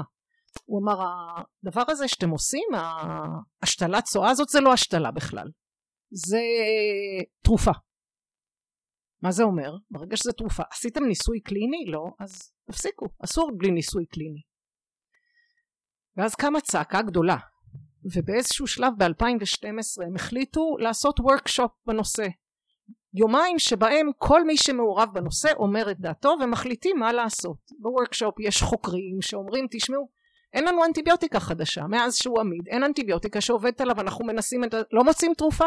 ורופאים שבוכים ואומרים אנחנו מאבדים אנשים שמשלשלים למוות במאה ה-21 בבתי חולים הכי מתקדמים בעולם. וה-FDA בא ואומר אוקיי אבל איך אני עושה רגולציה אני, כשאני עושה בדיקת דם אני יודע מה לבדוק, רמות סוכר, כולסטרול, אני לא רוצה לגרום לבן אדם כן, לפתור בעיה אחת ולגרום לאחרות, אני יודע שאני לא רוצה להעביר HIV שלא יהיה לו איידס והפטיטיס, את כל הווירוסים אני בודק, אני יודע מה לבדוק פה, לא רק שאני לא יודע מה לבדוק, אני גם, כל השתלה זה משהו אחר, כי כל בן אדם שתורם זה הרכב אחר, איך אני עושה את הבקרה, אוקיי? ואחרי יום וחצי של דיונים יש ארוחת צהריים לפני הסיום מגיעה אישה בשם קת'רין דף היא כבר אישה די גדולה בריאה כזו ואומרת סליחה אבל אין פה נציגי החולים. אומרים לה נכון גברתי זה כינוס מקצועי. אפשר לארגן כינוס לחולים אבל זה לא המקום. והיא מתחילה לבכות אומרת אני רוצה לספר את דבריי להגיד מה, את הסיפור שלי. ומרוב שהיא בוכה לא נעים אומרים אוקיי אחרי הצהריים ארוחת צהריים עשר דקות קחי ובעשר דקות האלה היא קמה ומספרת שמ-2007 עד 2009 נדמה לי היא חטפה סידיף שבע פעמים. פעם הראשונה נתנו אנטיביוטיקה הכל היה בסדר. פעם שנייה לקח יותר זמן כל פעם יותר גרוע. פעם אחרונה היא כבר שכבה בבית חולים והיא כמו שאתם רואים אותי אישה גדולה הגעתי ל-42 קילו עם חיתול אני שוכבת כי פשוט יוצא בלי הפסקה והרופא קורא לבעלי ואומר היא מאינדיאנה דרך אגב כזה מווסט ארצות הברית הרופא קורא לבעלי ואומר תביא את הילדים הגיע הזמן להיפרד היא לא תשרוד את הלילה ואני קוראת לבעלי ואני אומרת לו אני קראתי באינטרנט ועושים השתלות צואה וזה תבקש ממנו והוא ניגש לרופא והרופא אומר אני לא השתגעתי אסור אני עלול לאבד את הרישיון אני לא יכול ואז היא אומרת לבעלה אוקיי קח אותי הביתה. הוא אומר את מעדיפה למות בבית? היא אומרת לא לא אנחנו נעשה את זה לבד. אני קראתי יש אתרים do it yourself בוא נעשה את זה לבד. היא רק אומרת לו בדרך הביתה תעצור באיזה חנות ונקנה בלנדר כי לא נעים לעשות את זה בבלנדר שאני עושה מילקשייק אחר כך. ואז היא מקריאה לו איך עושים? כן קצת קקי בבלנדר מים סטרילים. והוא מזריק לה ולמחרת היא קמה על הרגליים. והיא מספרת את זה... אז למי שרוצה לעשות את זה בבית. שנייה, כן. שנייה, היא מספרת את זה וכמו שאתה יכול לדמיין לא נשארת עין יבשה בקהל וה-FDA מתרצה ואומר אוקיי אז קודם כל נאשר את זה לשימוש רק ב-C דיף שעמיד לאנטיביוטיקה כן קודם לנסות אנטיביוטיקה ובמקביל תעשו ניסוי קליני ומתחיל ניסוי קליני ווואו הניסוי הקליני הזה עוצר החליטו שצריך לעשות את זה עד שמגיעים ל-120 אנשים אחרי 40 כבר אמרו די. כי משהו כמו 23% מהאנשים על אנטיביוטיקה החלימו ו-95 מהאנשים על ההשתלת צואה החלימו. תוך השתלה אחת למחרת אוקיי? אז זה כבר מאושר, לא רק שזה מאושר, יש בכל העולם המערבי, בארץ יש לפחות שניים אם לא שלושה בנקי קקי, ואפשר, היום כבר לא מתים מסידיף, כמעט לא, כן? מה את אומרת? והדבר הזה אושר במהירות מטאורית ונותנים את זה. עכשיו אבל, מה שקרה זה שאנשים ראו do it yourself ואמרו, oh. רגע, אפשר, יש לי קוליטיס, יש לי קרון, יש לי מעי רגיז, כל מיני מחלות מעי, בוא ננסה. וזה קצת יותר בעייתי. אוקיי? אנשים עושים do it yourself אבל גם יש לפעמים נזק ומה שבטוח זה שבכל זה המחלות זה יכול להיות מזיק? כן, תכף אני אגיד משהו על זה אבל מה שקורה בכל המחלות האלה זה לא כמו בסידיף שבעצם הסידיף לקח את ההזדמנות שהמעי היה קצת מרוקן התפנה מקום כי נתנו הרבה אנטיביוטיקה לאנשים ובדרך כלל כמו שאמרתי סידיף הוא לא כזה תותח גדול בליישב את המעי שלנו אז כשנותנים את החיידקים שכן יודעים ליישב הם מנצחים והוא נשאר מיעוט קטן. פה אנחנו מדברים במחלות דלקתיות על מעי שהוא מודלק כן? הוא נראה אחרת ממעי רגיל והחיידקים שהם גדלים שם הם חיידקים שיודעים לגדול על מעי רגיל. לוקחים צואה של בריא הם לא כל כך טובים בלהתחרות על, ה... על לגדול על מעי מודלק. ולכן מה שברור היום זה שגם אם זה קצת עובד יש אנשים שמדווחים זה אף פעם לא זבנג וגמרנו צריך לחזור על זה וצריך לנסות שוב. והיום יש ב-FDA בכל באירופה בכל מיני מקומות בעולם ניסויים על המון המון המון מחלות. כן המון. על הרבה מחלות אני לא אגיד המון. אה, ניסויים קליניים מסודרים שעושים את זה עם הרבה בדיקות לראות מי תורם לנסות להגדיר מה תורם. בקיץ שעבר לפני קצת יותר משנה משנה שני חולים בניסוי קליני בארצות הברית, כן שוב מסודר, הכי מבוקר שיכול להיות, קיבלו צואה מתורם שהיה בריא לחלוטין ושניהם חלו מאוד, אחד מהם הצילו ואחד מהם מת. וואו. אוקיי? אותו חיידק שהרג אותו לא עשה כלום לתורם הבריא. כלומר יש גם סיכונים, צריך לדעת, צריך להיות מודעים, צריך לתת לדברים לקרות בקצב שלהם תחת בקרה. אבל זה קורה וזה יקרה. במגוון של מחלות שאפילו לא היינו מדמיינים שזה אני, יכול אני רוצה, לקרות. אני רוצה אז לחזור, אמ, אנחנו לאט לאט לקראת סיום, אני רוצה להחזיר את השיחה לעניין הנפשי. אה, קודם כל, שוב, רק כדי, זאת אומרת, האם את רואה מצב שבו משתילים צואה כדי לטפל בדיכאון? בהחלט. עכשיו, בעתיד, זה עוד לא, אנחנו עוד לא שם, אבל בהחלט אני רואה. עכשיו אני רואה, אני... ו- אולי ו- בסוף לא נצטרך צואה, אולי נבין מספיק כדי לתת את ההרכב החיידקי הנכון. זה מסובך, זה לא פשוט. כן. אולי, אולי אני רק אגיד משהו אחד.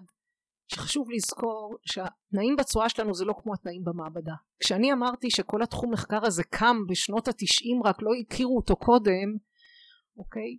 למה? למה לא הכירו אותו קודם? הרי בדיקות צואה עושים לנו מאז ומתמיד. כשאנחנו היינו קטנים, שנינו, וזה היה לפני שנות התשעים, והיה שלשול, אז נותנים דגימת צואה לראות מה גדל שם, כדי לדעת איזה תרופה לתת, נכון? אז איך זה שאני אומרת שעד שנות התשעים לא הכירו את כל החיידקים האלה? החיידקים האלה הם אנאירובים, הם גדלים ללא חמצן, לא רק שהם גדלים ללא חמצן אלא לרובם גם חמצן רעיל. אז ברגע שעשינו קקי הגיע חמצן אליהם, הם מתו, ואז כשניסו לגדל אותם בצלחות פטרי שום דבר לא גדל, hmm. אוקיי? mm. okay? ולכן בשנות התשעים כשמתחיל כל פרויקט הגנום האנושי ויש שיטות לקרוא את הרצף של DNA מתחילים להשתמש בשיטות האלה. ובשביל לקרוא DNA לא צריך שהחיידק יחיה. הוא מת כבר מזמן אבל אפשר לקרוא את ה-DNA שלו וללמוד עליו. ולכן רוב החיידקים שאני מספרת את זה כדי בעצם להזכיר שרוב החיידקים שגדלים במעי אנחנו לא יכולים לגדל אותם במעבדה לפחות לא בקלות תנאים מאוד מורכבים מאוד קשה לגדל בתנאים הזה של ה-do it yourself היא ניצלה בעצם מחיידקים שכן שרדו את המעבר לחמצן. אה, לא כל כך כי לוקחים גרוש צואה ומכניסים אותו לבלנדר עם, עם מים וישר מזריקים אפשר לחכות אז יש עוד כאלה שעוד ש... היו ככה בפנים ולא כן. לא נחשפו לחמצן. אבל, אבל זה קצת יותר מורכב, יש כאלה שגם יודעים ליצור ספורות, נבגים, ואז הנבגים אולי יעזרו, זה קצת יותר מורכב, אבל בגדול כן, צריך, uh, היום כשעושים בנק צואה מקפיאים את זה במינוס 80 מעלות, כמו את החיסוני קורונה, וככה הכל uh, שורד. אני רוצה, אבל אני רוצה, אני רוצה להבין עוד אה, על העניין הזה של הדיכאון.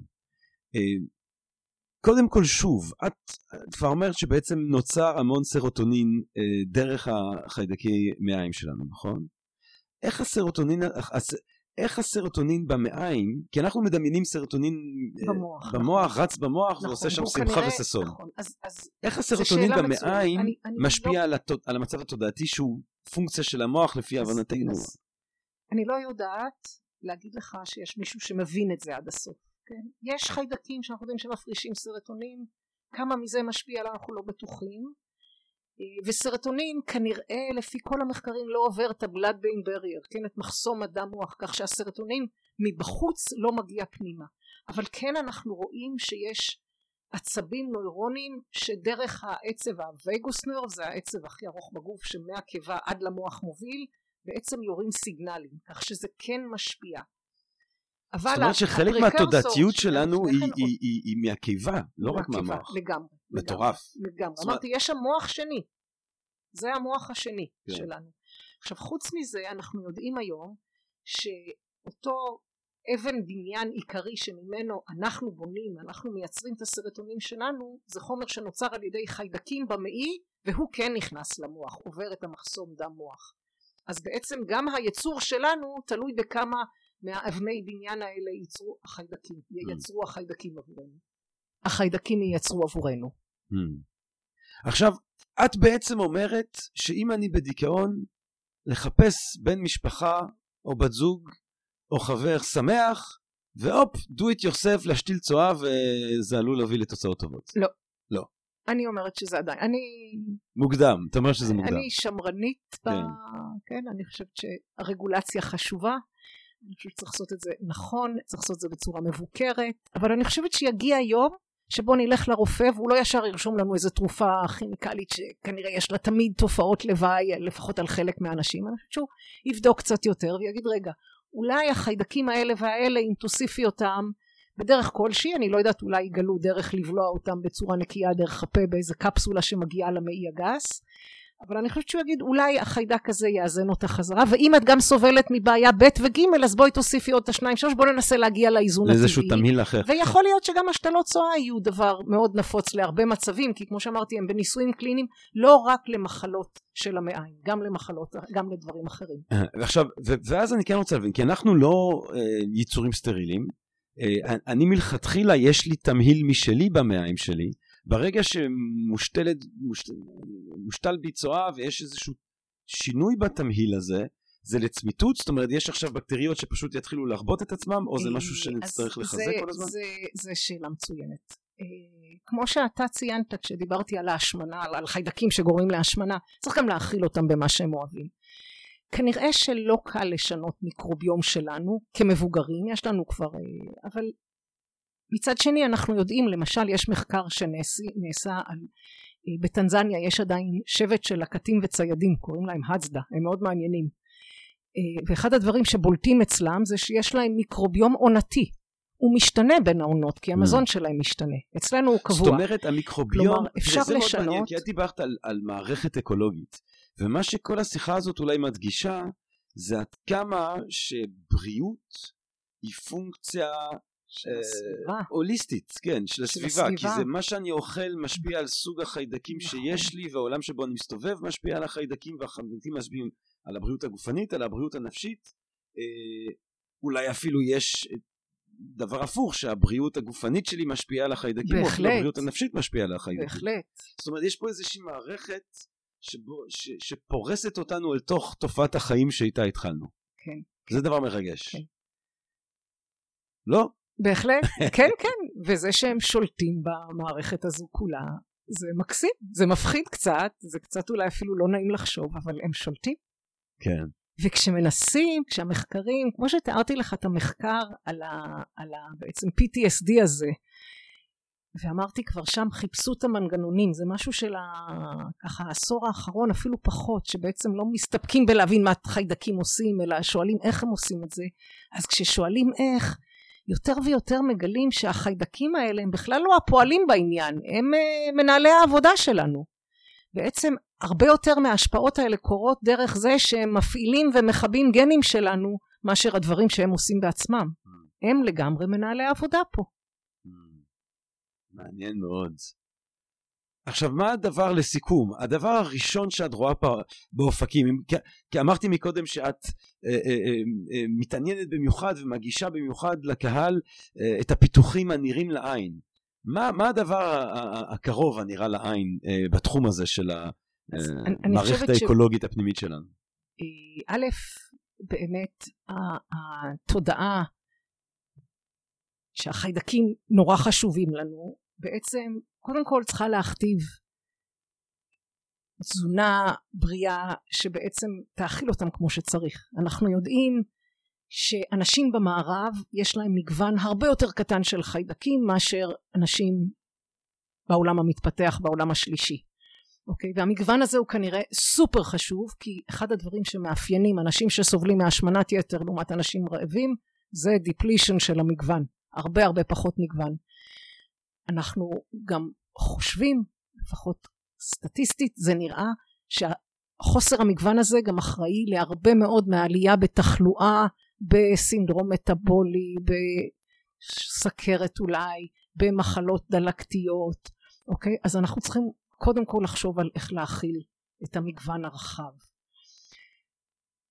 ההשפעה תהיה לדעתי ברפואה, כשלאט לאט יותר ויותר יבינו את החשיבות ויפסיקו לחשוב שכל חיידק שאולי הוא רע צריך להרוג אותו מיד, אלא להבין, רגע, אולי במצב מסוים הוא טוב, אולי במקום מסוים הוא טוב, אולי mm. צריך לדאוג לאיזון, אולי צריך לטבע, לתת לטבע לעשות mm. את שלו. המפתח פה היא איזון, כן? כן? מזכיר את המשפט של אריסטו שתמיד אה, דרך האמצע בין החוסר לבין הרבה מדי, כן, לרוב זה הדבר שיש לשבח אותו, אומר אריסטו, כן? נכון, האיזון. נכון, האיזון פה הוא סופר סופר סופר חשוב, ו... לשם נלך אני חושבת גם הרפואה תצטרך להתיישר אין דבר כזה יותר כן לא שחור לבן היא צריכה להתחיל לחשוב כמו חשיבה של חשיבה של מערכת אקולוגית. ואת יודעת מה הלוואי שאנחנו כולנו בני האדם בתקופה הזאת נתחיל שנייה לחשוב על תופעת החיים כמערכת אקולוגית שאולי גם את האיזון שלה כדאי לנסות uh, לא להפר באופן הגס. שבו אנחנו כן. מפרים אותו. נכון נכון. דוקטור רקפת רוזנפלד תקשיבי, זה היה מרתק. תודה. זה היה מרתק, תודה זה לך. היה מעניין מאוד, זה גורם ממש באמת לחשוב מחדש את היחס שלנו לגוף, את היחס שלנו למה שהוא, למה שהוא בריאות, את היחס שלנו אה, למה שהיא רפואה, אה, ו, אה, וגם מהשאלת השאלת האלמותית הזאת של גוף נפש. אה, שהיא מלווה את השיחה הזאת. שיחה מרתקת שבו אנחנו רק נגענו, כן, ממש בקמצוץ בקצה הכחון, אבל למזלם, למזלם ולמזל, אה, אה, ולמזלנו אה, שלנו ושל הקהל הקדוש שלנו אפשר לשמוע אותך מרחיבה על הדברים האלה ועל דברים נוספים בהרצאות הרבות שאת נותנת אם ב-Think and Drink Different אם במסגרות אחרות אולי אפילו יהיה חיסון עוד מעט ונוכל לחזור וממש לשמוע ולהתקהל. יש, כן. כן. ואני רוצה ממש ממש להודות לך. ולאחל לך תמהיל מאוזן והרמוני של חיידקים. תודה. לך ולקהל הקדוש שלנו, אני מקווה מאוד שנהניתם מהפודקאסט הזה, מהפודקאסטים שהספקנו להקליט, מאלה שבעזרת השם ובעזרת החיידקים נמשיך להקליט. בינתיים כל טוב, רק בריאות, רק תמהיל נכון חיידקי וקיומי בחיים שלכם, ונשתמע. פודקאסט, פודקאסט, פודקאסט.